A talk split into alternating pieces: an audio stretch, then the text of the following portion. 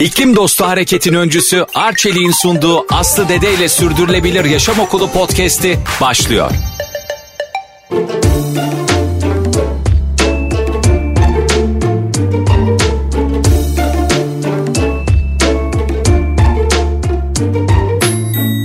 Sürdürülebilir Yaşam Okulu'ndan herkese merhaba ben Aslı Dede. Gezegenimizin kahramanlara ihtiyacı var ve her birimiz birer kahraman olabiliriz. Peki ama nasıl? İşte bu sorunun cevabını arıyoruz Sürdürülebilir Yaşam Okulu'nda. Konuklarımız bize yol gösteriyor, harekete geçmemiz için esin kaynağı oluyor. Tüm canlılarla birlikte dünyada yaşamın sağlıkla sürmesi için Birleşmiş Milletler 17 tane küresel amaç belirledi. Bu amaçlar Sürdürülebilir Yaşam Okulu'nda bize rehberlik ediyor, yolumuzu aydınlatıyor. Bugün yine yolumuzu aydınlatacak, bizi harekete geçirecek, bizi esinlendirecek çok değerli bir konuğum var. Kim bugün konuğum?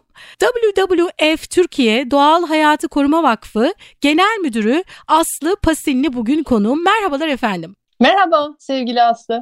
Efendim bugün işimize doğayı nasıl katalım? Ofislerimizi nasıl dönüştürebiliriz? Ee, dönüşen ofisler ve sürdürülebilirlik, işimizi iyileştirmenin yolları konularında sizden bilgi alacağız. Ama öncelikle WWF Türkiye'yi aslında pek çoğumuz biliyoruz. Yıllardır çok değerli çalışmaları var. Ee, Türkiye'de hem de dünyada da WWF'in çalışmaları çok değerli. WWF Türkiye insanlığın doğayla uyum içinde yaşaması için e, bir gelecek yaratmak için çalışıyor. Bunun için neler yapıyor? Şöyle bir kısaca bir tur atabilir miyiz?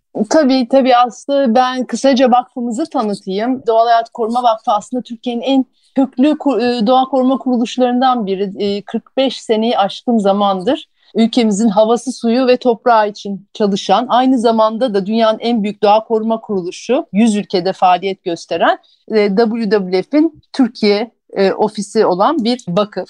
E, biz bu bu sene itibariyle 60 kişilik neredeyse uzman bir ekiple çalışıyoruz. Çok gerçekten eğitim seviyesi yüksek, doktoralı, eski kamu çalışanları, gençler, çok dinamik bir ekiple her gün gece gündüz ülkemiz için çalışıyoruz e, neler yapıyoruz e, derseniz yani global olarak WWF 6 alanda çalışıyor. E, ya 6 alana bölmüş çalışmalarını. E, iklim enerji bir grup, e, ormanlar bir grup, tatlı su ekibi bir grup, tür koruma bir grup. Bunun gibi gruplar var e, çalışan. Biz de o onunla paralel olarak çalışmalarımızı yürütüyoruz.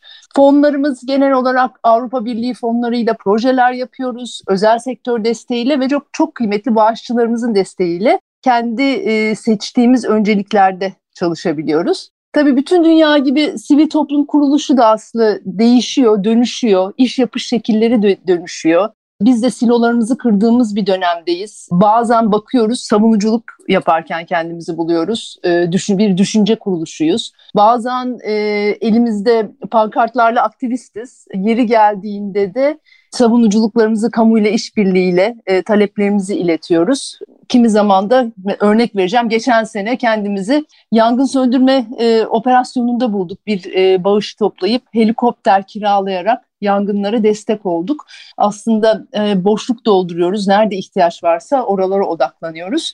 Birkaç proje örneğin e, vermek istiyorum. Özel sektörle şu anda gündemimizde olan bir şamandıra projemiz var. En büyük projelerimizden biri. E, teknelerin çapa atarak deniz altına verdiği zararı engellemek için Kaş'ta 50 şamandıralık bir pilot model kuruyoruz ki tekneler artık e, çapa atmasın, bu şamandıralara bağlasın. Bunun arkasındaki iş modelini çalışıyoruz. Mesela bir çalışmamız bu.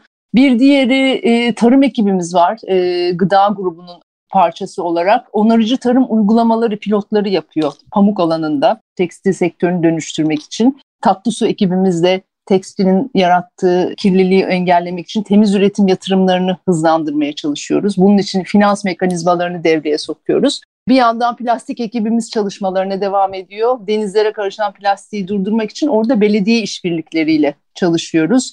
Ee, orada da bir örnek vereyim. Gaziantep Belediyesi ile sokak toplayıcılarının sisteme entegre olarak bir e, yani atığı üretenle toplayanı buluşturduğumuz bir teknolojiyi de kullanarak, sosyal girişimleri de işin içine katarak sokak toplayıcılarının rotalarını belirlediğimiz, e, araçlarını iyileştirdiğimiz, e, bir e, aplikasyon üzerinden düğmeye basıp onu çağırabildiğiniz atığım var, geri dönüşebilir atığım var al, alır mısın diye. Yani bir, bir nevi kurye sistemini kurguluyoruz Büyükşehir Belediyesi seviyesinde.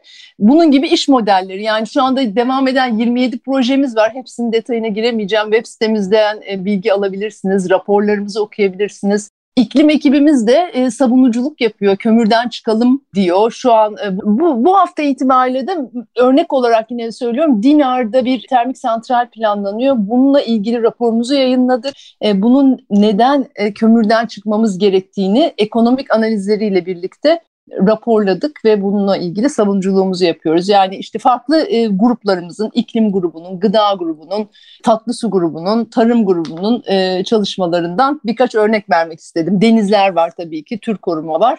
E, deniz kaplumbağalarını da söylemeden geçemeyeceğim. 20 senedir her sene binlerce deniz kaplumbağasının engelleri aşarak denize ulaşması için Adana Akyatan'da çalışmalarımıza devam ediyoruz. Evet gerçekten e, insanın doğayla uyum içinde yaşadığı bir gelecek için oldukça kapsayıcı, bütüncül e, çalışmalar ne kadar ne kadar güzel. Şimdi gezegende yaşamın sürmesi için iş dünyasının da dönüşmesi gerekiyor ki iş dünyasıyla da sizin işbirlikleriniz var. E, dünyada ve Türkiye'de iş dünyası nasıl bir değişim sürecinden geçiyor? Doğayla uyumlu olabilmek için. Evet sevgili Aslı bugün 28 Temmuz Dünya Limit Aşım Günü. Önce bir ona değinerek başlamak istiyorum iş dünyasına. Limit aşımı da şu demek.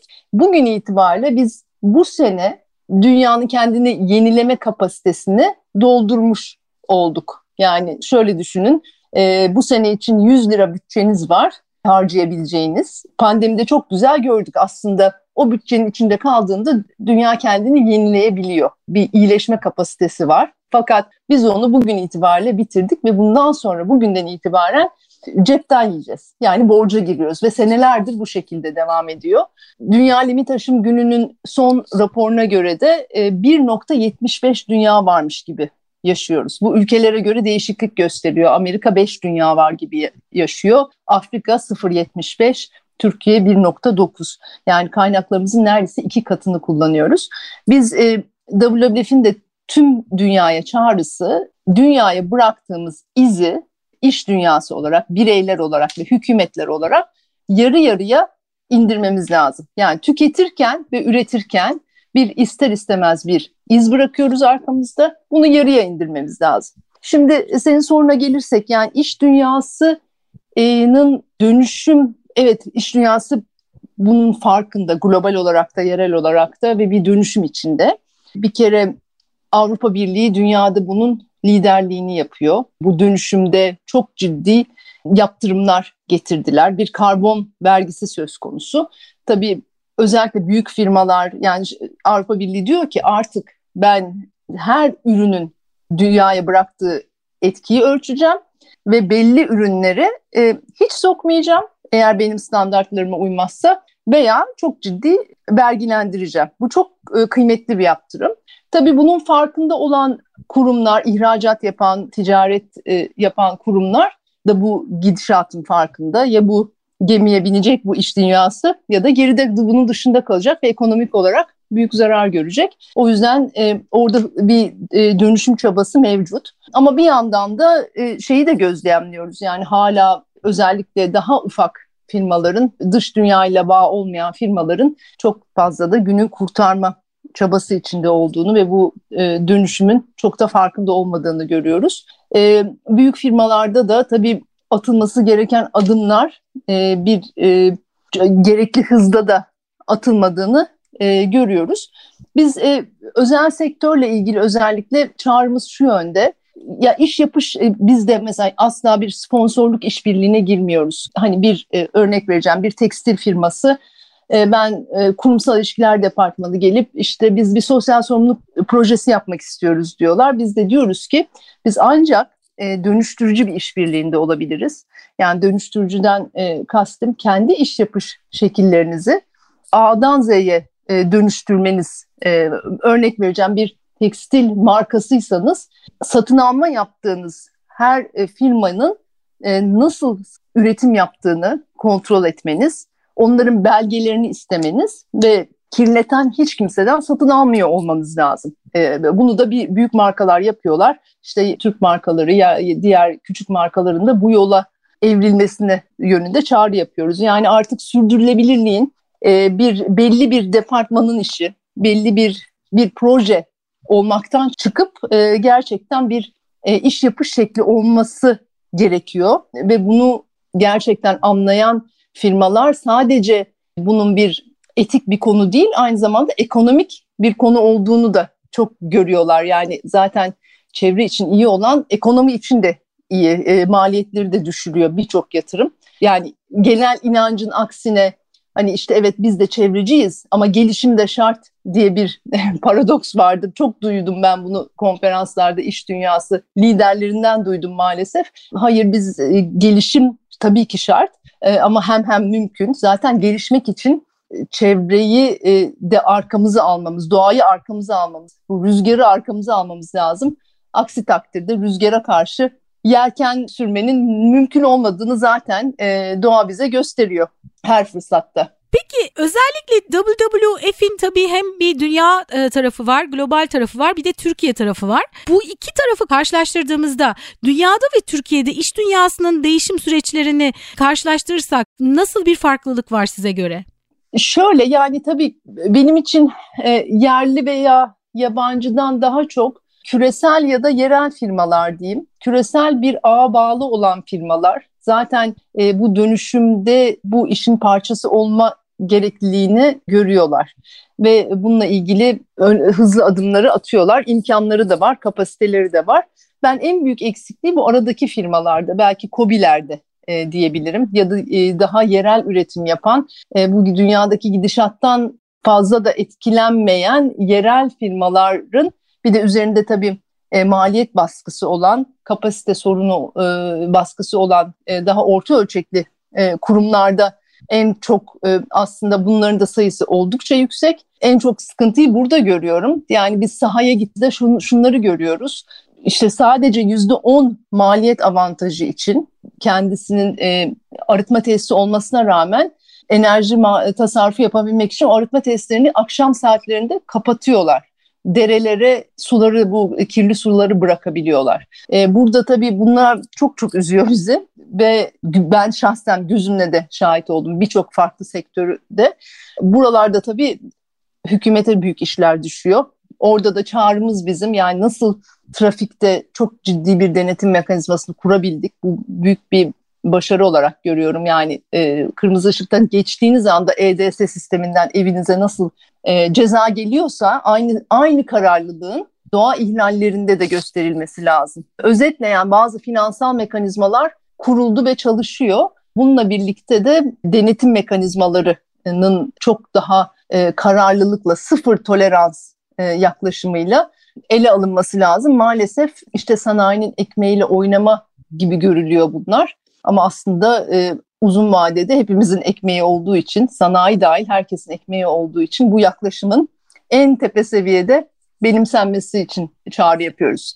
Evet ne kadar güzel bir örnek verdiniz. Özellikle trafik e, örneği ele alındığında gerçekten öyle bir sistem kurulsa burada da bu çevre içinde, çevre ihlallerinde ne kadar ne kadar güzel olur. WWF Türkiye kamu özel sektör ve sivil toplum kuruluşlarıyla işbirlikleri yapıyor. Neler yapıyor? Biraz da ondan söz edebilir miyiz? Evet tabii yani biraz konuşmamın başında da değinmiştim. Bir kere e, bizim tüm dünyada kamuyla işbirliği yapan bir e, kurumuz. Eleştirme hakkımızı saklı tutarak öyle diyeyim. Yani biz sorunları ortaya koyuyoruz ve bunları da yapıcı bir şekilde dile getiriyoruz. Ama sorunu ortaya koymak işin kolay kısmı çözümün de parçasıyız. O yüzden bakanlıklarımızla işte protokollerle devam ediyor. E, belediyelerimizle işbirliklerimiz devam ediyor. Asla belediyelerimiz olmadan bir e, etki yaratmamız mümkün değil. E, biraz evvel e, yani mesela biraz evvel bahsettiklerime ek olarak plastik atıksız şehirler ağımız var bizim. Belediyelerimizi davet ediyoruz, protokol imzalıyorlar ve e, atık sorununu belli bir süreye kadar denize karışan plastiği işte 2030'a kadar sıfırlamayı hedefleyen bir protokol. Zaten sıfır atık kapsamında bunu yapmakta zorunda belediyelerimiz. Biz ama dünya e, belediyeleriyle buluşturuyoruz, e, seyahatler düzenliyoruz. Oradaki iyi örnekleri buraya getirebiliyoruz. Bu da yaptığımız çalışmalardan bir tanesi.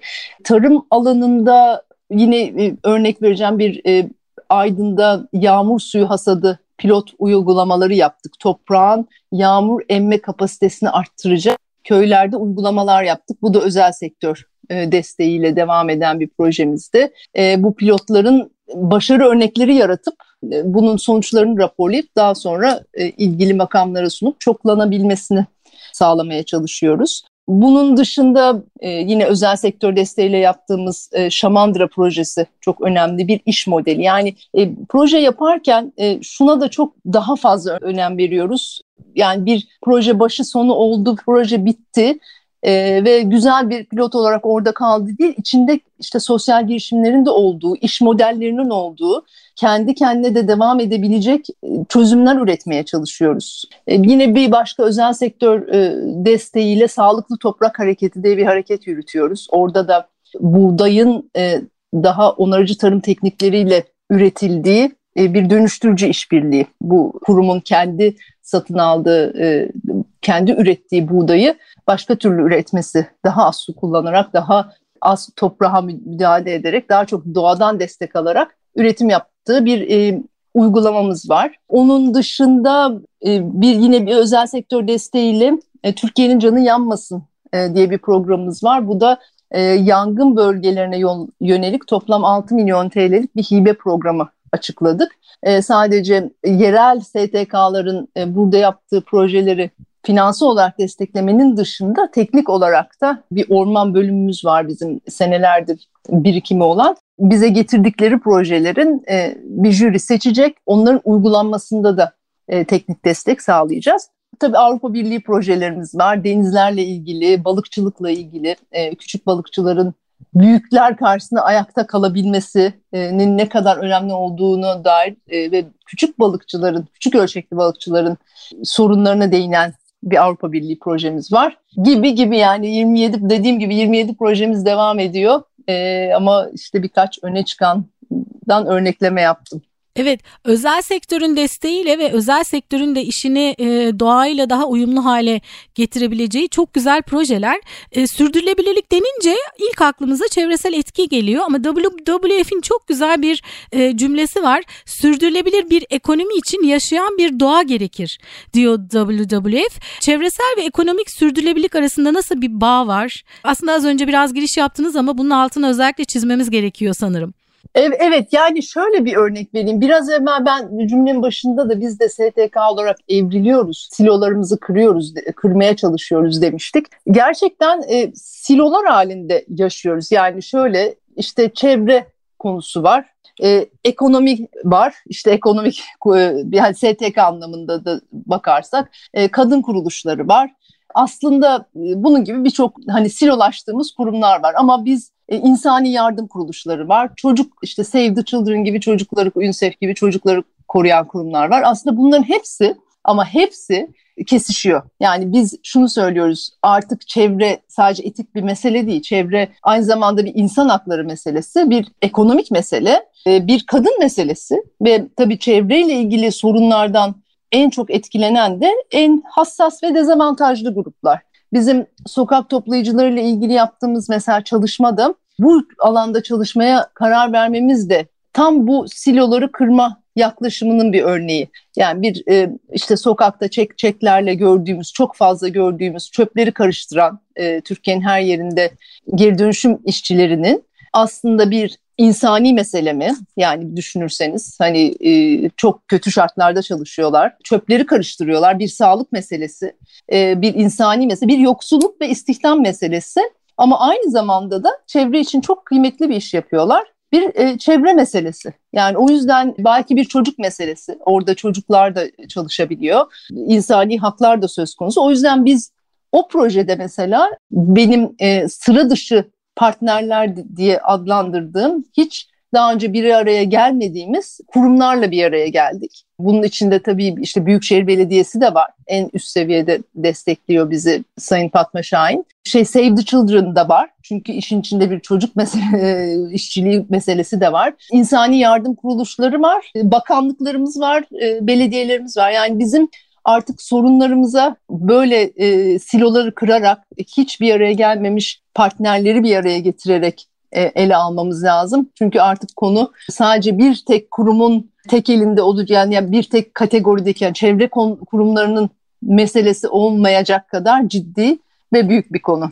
Ee, ve tekrar şunu da altını çizmek istiyorum. Hani işte gelişim şart dediğimiz ama çevreyi çevreden vazgeçip e, gelişebilmek için çevreden vazgeçmek gibi bir inanış var. Halbuki bizim fizibilite çalışmalarımızı yani bir fayda maliyet analizi yapılıyor genellikle. Örnek vereceğim bir e, madencilik için ruhsat verilirken bu madenin bize faydası budur, e, getirisi budur, götürüsü budur diye bakılıyor. Ve getirisi götürüsünden fazlaysa ruhsatlandırılıyor. Böyle bir yaklaşım var.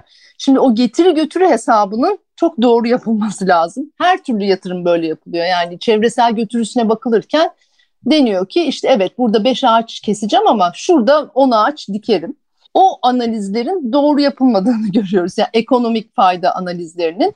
E, ben de ekonomistim özellikle de ilgi alanım e, da bu.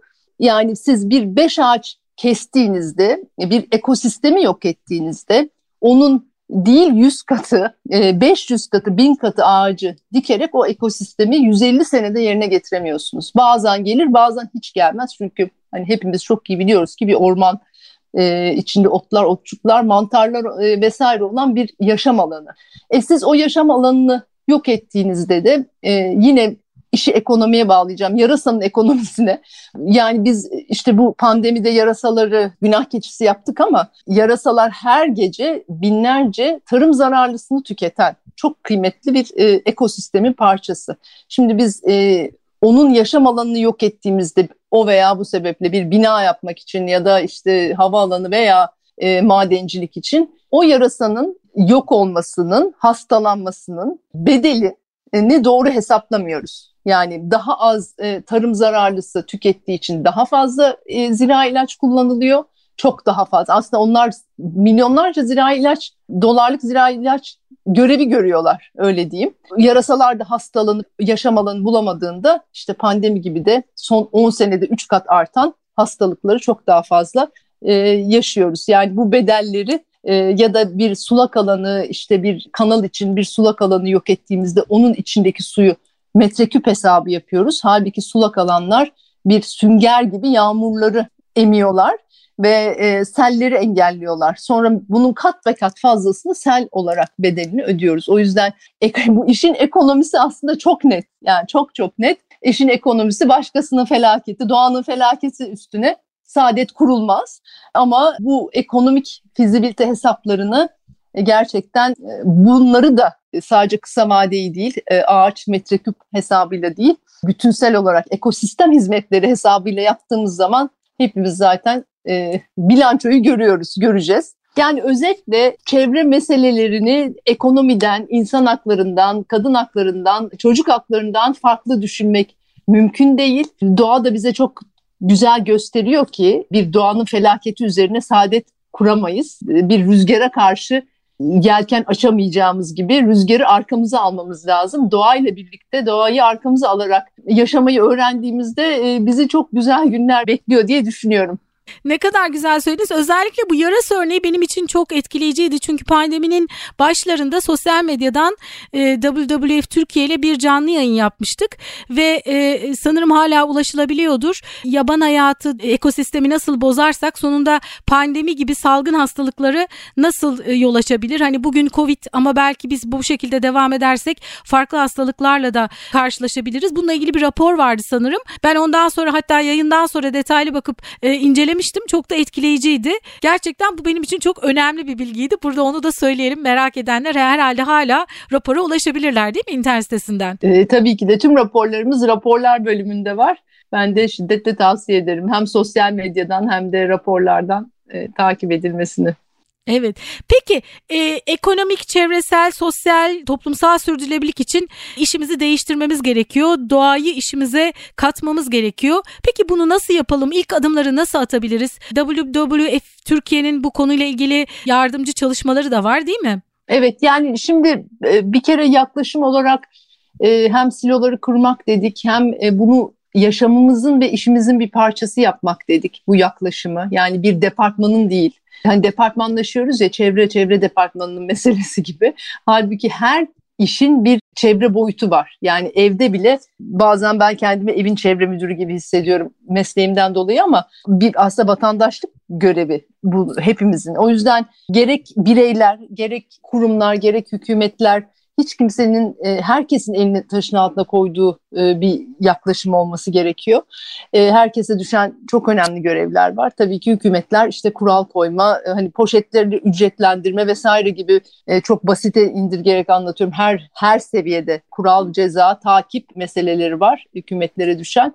Teşvik meseleleri var. Teşviklerin doğa dostu ürünlere kaydırılması, daha çok teşvik edilmesi. Kurumlara düşen iş yapıştı şeklinin tamamen doğayı merkeze alarak yapılması. Buna da bir örnek vermek istiyorum. Yani şu anda kurye ve kargo biliyorsunuz eve e, sipariş sistemi e, çok büyüyen sektörler. Yani ben e, isterdim ki bu sektörleri e, yeni yeni büyüyen hem de hani daha sıfırdan bu sektör kurulurken bazı standartlar gelsin. Bu kuryelerin elektrikli motorla kurye şirketini seçerken bu büyük firmalar elektrikli motor şartı getirebilirlerdi ve o zaman e, o sektör de büyürdü. E, yani çok da büyük bir şey değil. Evet belki biraz daha pahalı ama bu e, rakamlar arttığı zaman o onlar da çözülürdü. Maliyet hesapları da tutardı. Bu bakış açısıyla yani e, bir kurye şirketi eve bir paket yollarken bazen ben de görüyorum eve bir sipariş edildiğinde eve gelen atıkları gördüğümde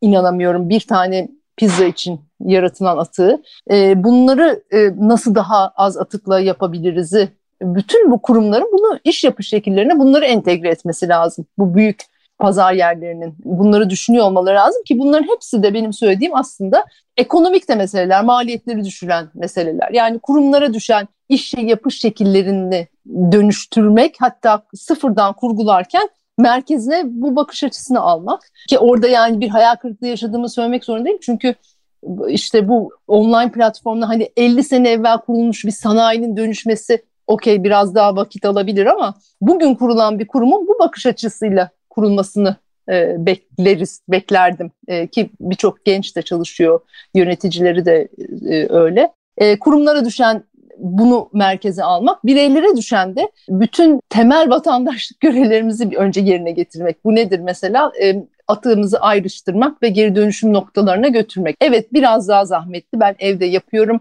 Organik atığımı da e, kompostlaştırıyorum. Bütün atıklarımı ayırıp taşıyorum yürüyerek bazen arabayla. Evet daha zahmetli ama ben yakın çevremde bile bu konunun ihmal edildiğini görüyorum. Yine böyle bunu da temel bir vatandaşlık görevi olarak görüyorum. Pazara giderken e, poşet kullanmamayı, evimizde böyle e, kağıt havludan işte e, tek kullanımlık poşetler e, her yerde uçuşuyor. Su kullanımındaki hassasiyetlerimiz düşük. E, tek tek herkes yine tek kişilik arabalarla seyahat etmeyi tercih ediyor edebilenler. Yani herkesin daha fazla toplu taşıma, yürüme, bisiklet kullanması, günlük su kullanımından her türlü e, gıda seçimlerine yani yediğimiz her şeyin arkasında bir e, hikaye olduğunu, e, aldığımız tişörtün her e, üretimi için doğaya bırakılan kullanılan su 2500 litre onun kimyasalı vesaire bütün bunları düşünerek hem e, yani bir tişört alırken bir daha düşünmek, ihtiyacım var mı demek, e, dişimizi fırçalamak için musluğu açtığımızda ne kadar su kullandığımızın farkında olmak, bir akşam yemeğimizde tabağımızda ne o sezonluk ürünler mi var yoksa dünyanın öbür ucundan getirilmiş e, e yani mevsiminde bir nar yemek yerine dünyanın öbür ucundan getirilmiş işte başka meyveleri mi tercih ediyoruz? Bütün bunların bir karbon ve doğada bıraktığı izler var. İşe giderken nasıl gidiyoruz e, vesaire vesaire. Yani tabii ki de kişisel olarak da hani ütopik hayatlar bazen böyle çevreciler ütopik hayatlar yaşıyor. Bu çok zor deyip e, biz bunu yapamayız gibi algılar oluşuyor ama değil. Yani herkes makul günlük hayatımızdaki makul düzenlemelerle doğaya bıraktığımız izi yarı yarıya azaltmayı hedefleyebiliriz. Bir de tabii ki e, talep etmek çok önemli. Bizlerin yani bir her alışverişimizde bir etiketine bakıp ne nasıl üretilmiş yani pozitif ayrımcılık yapmamız lazım doğa dostu ürünlere, bunları e, doğa dostu tekstile, yere, yerel üretime, tüm bu kriterlerle bireysel olarak hareket etmemiz gerekiyor. Evet çok güzel örnekler verdiniz çok teşekkürler. E, peki şimdi iş dünyası e, gezegenin geleceği için süreçlere sivil toplum kuruluşlarını ilgi ve etki gruplarını da dahil ederse çok daha iyi olacak diye düşünüyoruz. Siz de WWF Türkiye olarak Arçelik'in kurmuş olduğu İGE yani iyiliği geliştir ya da iyilik geliştir platformu üyesisiniz. Böyle platformların etkisi konusunda neler düşünüyorsunuz? Ee, evet bu çok e, gerçekten e, çok güzel bir örnek. Bizler de aslında tabii özel sektör işbirliklerinde çok inceleyip sık dokuyoruz e, nerede yer alıp yer almayacağımızı. Bu bizim çok severek, isteyerek yer aldığımız bir platform oldu. Çünkü bu İGE platformu aslında iş kararlarına, karar mekanizmasına bizleri dahil ettiler. Bu hakikaten önemli bir gelişme. Yani sivil toplumun, akademinin, e, farklı bakış açılarının iş dünyasının karar mekanizmalarına dahil edilmesi bence ha, e, çok ve bunların da fikir aşamasında kalmayıp hayata geçmesi ne çok kıymetli girişimler olarak görüyorum ve tebrik ediyorum. Peki iklim dostu hareket size neyi ifade ediyor? Harekete geçmek için hangi adımları atmak gerekir? E, aslında biraz evvel bahsettiğim bütün hani e, bireysel hareketler hani bu iklim meselesi şey gibi görülüyor ya işte hükümetlerin meselesi gibi görülüyor ve e, hani bireyler çoğu zaman kendini e, seyirci ya da aciz görüyor. E, o yüzden aslında e, bireylerin gücüne de vurgu yapan bir hareket bu ve e, biraz evvel bahsettiğim günlük hayatımızdaki ulaşım şeklimiz, beslenme şeklimiz, tercihlerimiz, e, evimize aldığımız deterjanın tercihi gibi günlük hayatımızda işte markete giderken yanımızda e, götürdüğümüz filenin e, de çok önemli bir yeri var bu mücadelede. Aslında bunun altını çiziyor ve buna bir çağrı yapıyor. Ben de e, bizim de her zaman yaptığımız çağrılarla çok paralel. O yüzden çok destekliyorum. Çok güzel sürdürülebilir yaşam için sizin de yaşam alışkanlıklarınızda değişimler var ve bu değişimleri de çoğaltmaya devam ediyorsunuz sanırım. E, evet evet ben de bakın e, ben de e, girişimcilikten ve kurumsal hayattan gelen bir insanım. Uluslararası bir kurumsal firmada çalıştım uzun seneler. Ben de itiraf ediyorum e, beş buçuk senedir WWF'leyim. Her zaman tutkumdu çevre ama ben de son beş buçuk senede inanılmaz evrildim e, düşünce yapısı olarak da çok evrildim. Çok şey öğrendim işin içine girdikten sonra. Ve hani şey diye ben e, ütopik bir hayat yaşamıyorum yine ama yüzde elli azalt yaptığımı söyleyebilirim dünyaya bıraktığım izi. Nasıl yaptım bunu? Evet evimde tüm gıda atığımı toprakla buluşturuyorum. Bütün e, atımı azaltmak için çok çaba gösteriyorum. Yani işte spora çocuklarımın matarayla gitmesi mesela spor antrenmanına her seferinde bir pet şişe kullanmak yerine ve kendimin tabii ki işte ulaşım şeklimi her zaman olmasa da olabildiği yerlerde toplu taşımayı e, tercih ediyorum. Daha çok yürüyorum, daha çok bisiklete biniyorum. Evime soktuğum ürünleri daha çok dikkat ediyorum. Yani işte bütün bunlar ve tabii ki yerel ürünler, e, işte biraz evvel saydığım bütün şeyler aslında e, yarın itibariyle hepimizin yapabileceği şeyler. O yüzden çevreci olmak için büyük bir değişime de dönüşme de gerek yok. Çok temel yaklaşımlar olarak görüyorum. Kolay görüyorum. Böyle şehirden taşınıp inzivaya çekilmek gibi böyle olmayacak e, şeyler değil birçoğu. Bahçemde bir şeyler yetiştirmeye çalışıyorum ya da balkonumda vesaire vesaire. Yani e, herkes kendi yaşam e, şekline göre bir şeyler yapabilir. Biraz da tabii kendi etki alanında etki yaratmayı da çok kıymetli buluyorum. Yani bir sitede yaşıyorsanız o sitenin bütün gıda atığı aslında sitelerde yeşil alanlar var. O, yeş- o sitede çok rahatlıkla işte o canım yumurta kabukları, muz kabukları e, toplanıp o sitede toprakla buluşturulabilir. E, mesela buna vesile olabilirsiniz biraz daha adım atarak. Yoksa bunlar bu atıklar şehrin 30 kilometre dışına taşınıp yakılıyor düşünsenize. Yani ben her e, yumurta kabuğunu gördüğümde ne kadar kıymetli doğa için bir e, şey olduğunu e, hatırlayıp asla çöpe atamıyorum onu. Bunlar biraz da işin içine girdikçe, e, bünyenizde o gözü açmayı tercih ettikçe Bunlar size zaten geliyor. Çok okuyacak, öğrenecek malzeme de algılanıyor. E, o dönüşüm süreci benim de böyle oldu. E, bir gün bir sunum izledim. Sorgulamaya başladım ve o dönüşüm sürecim başladı. Yani mesleğimi değiştirmeye kadar gitti bu süreç. Öyle olmak zorunda değil ama bir göz daha açmak lazım bünyede ufak ufak diye düşünüyorum. Çok güzel söylediniz Aslı Hanım. Evet, e, podcast'in sonuna geldik. Eklemek istediğiniz bir şey var mı? Galiba söyleyeceğim her şeyi söyledim. Ee, çok da keyifli oldu benim için. Bunları paylaşmaktan bıkmıyorum. El birliğine e, davet ediyorum herkesi. Yani bugün itibariyle, bugün ama bugün, bu, bu akşam itibariyle. Eğer atıklarınızı mesela ayrıştırmıyorsanız ona başlayarak diyelim. Ya da spora matarayla e, gitmeye başlayarak umarım el birliğiyle insanlığın karşı karşıya kaldığı en belki en önemli varoluş meselesinin e, üstesinden geleceğiz. Ben hala umudumu kaybetmedim. Bu kadar e, karamsar senaryolar çiziyoruz ama ben her gün bir umutla uyanıyorum ve bu işin üstesinden gelebileceğimize inanıyorum.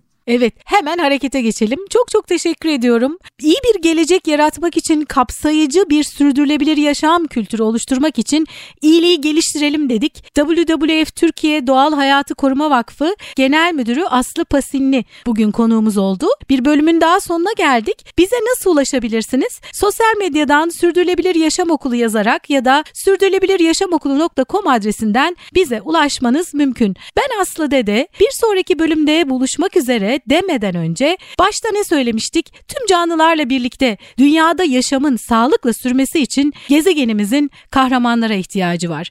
Ve o kahraman sen olabilirsin. Harekete geç. İklim Dostu Hareket'in öncüsü Arçelik'in sunduğu Aslı Dede ile Sürdürülebilir Yaşam Okulu podcast'i sona erdi.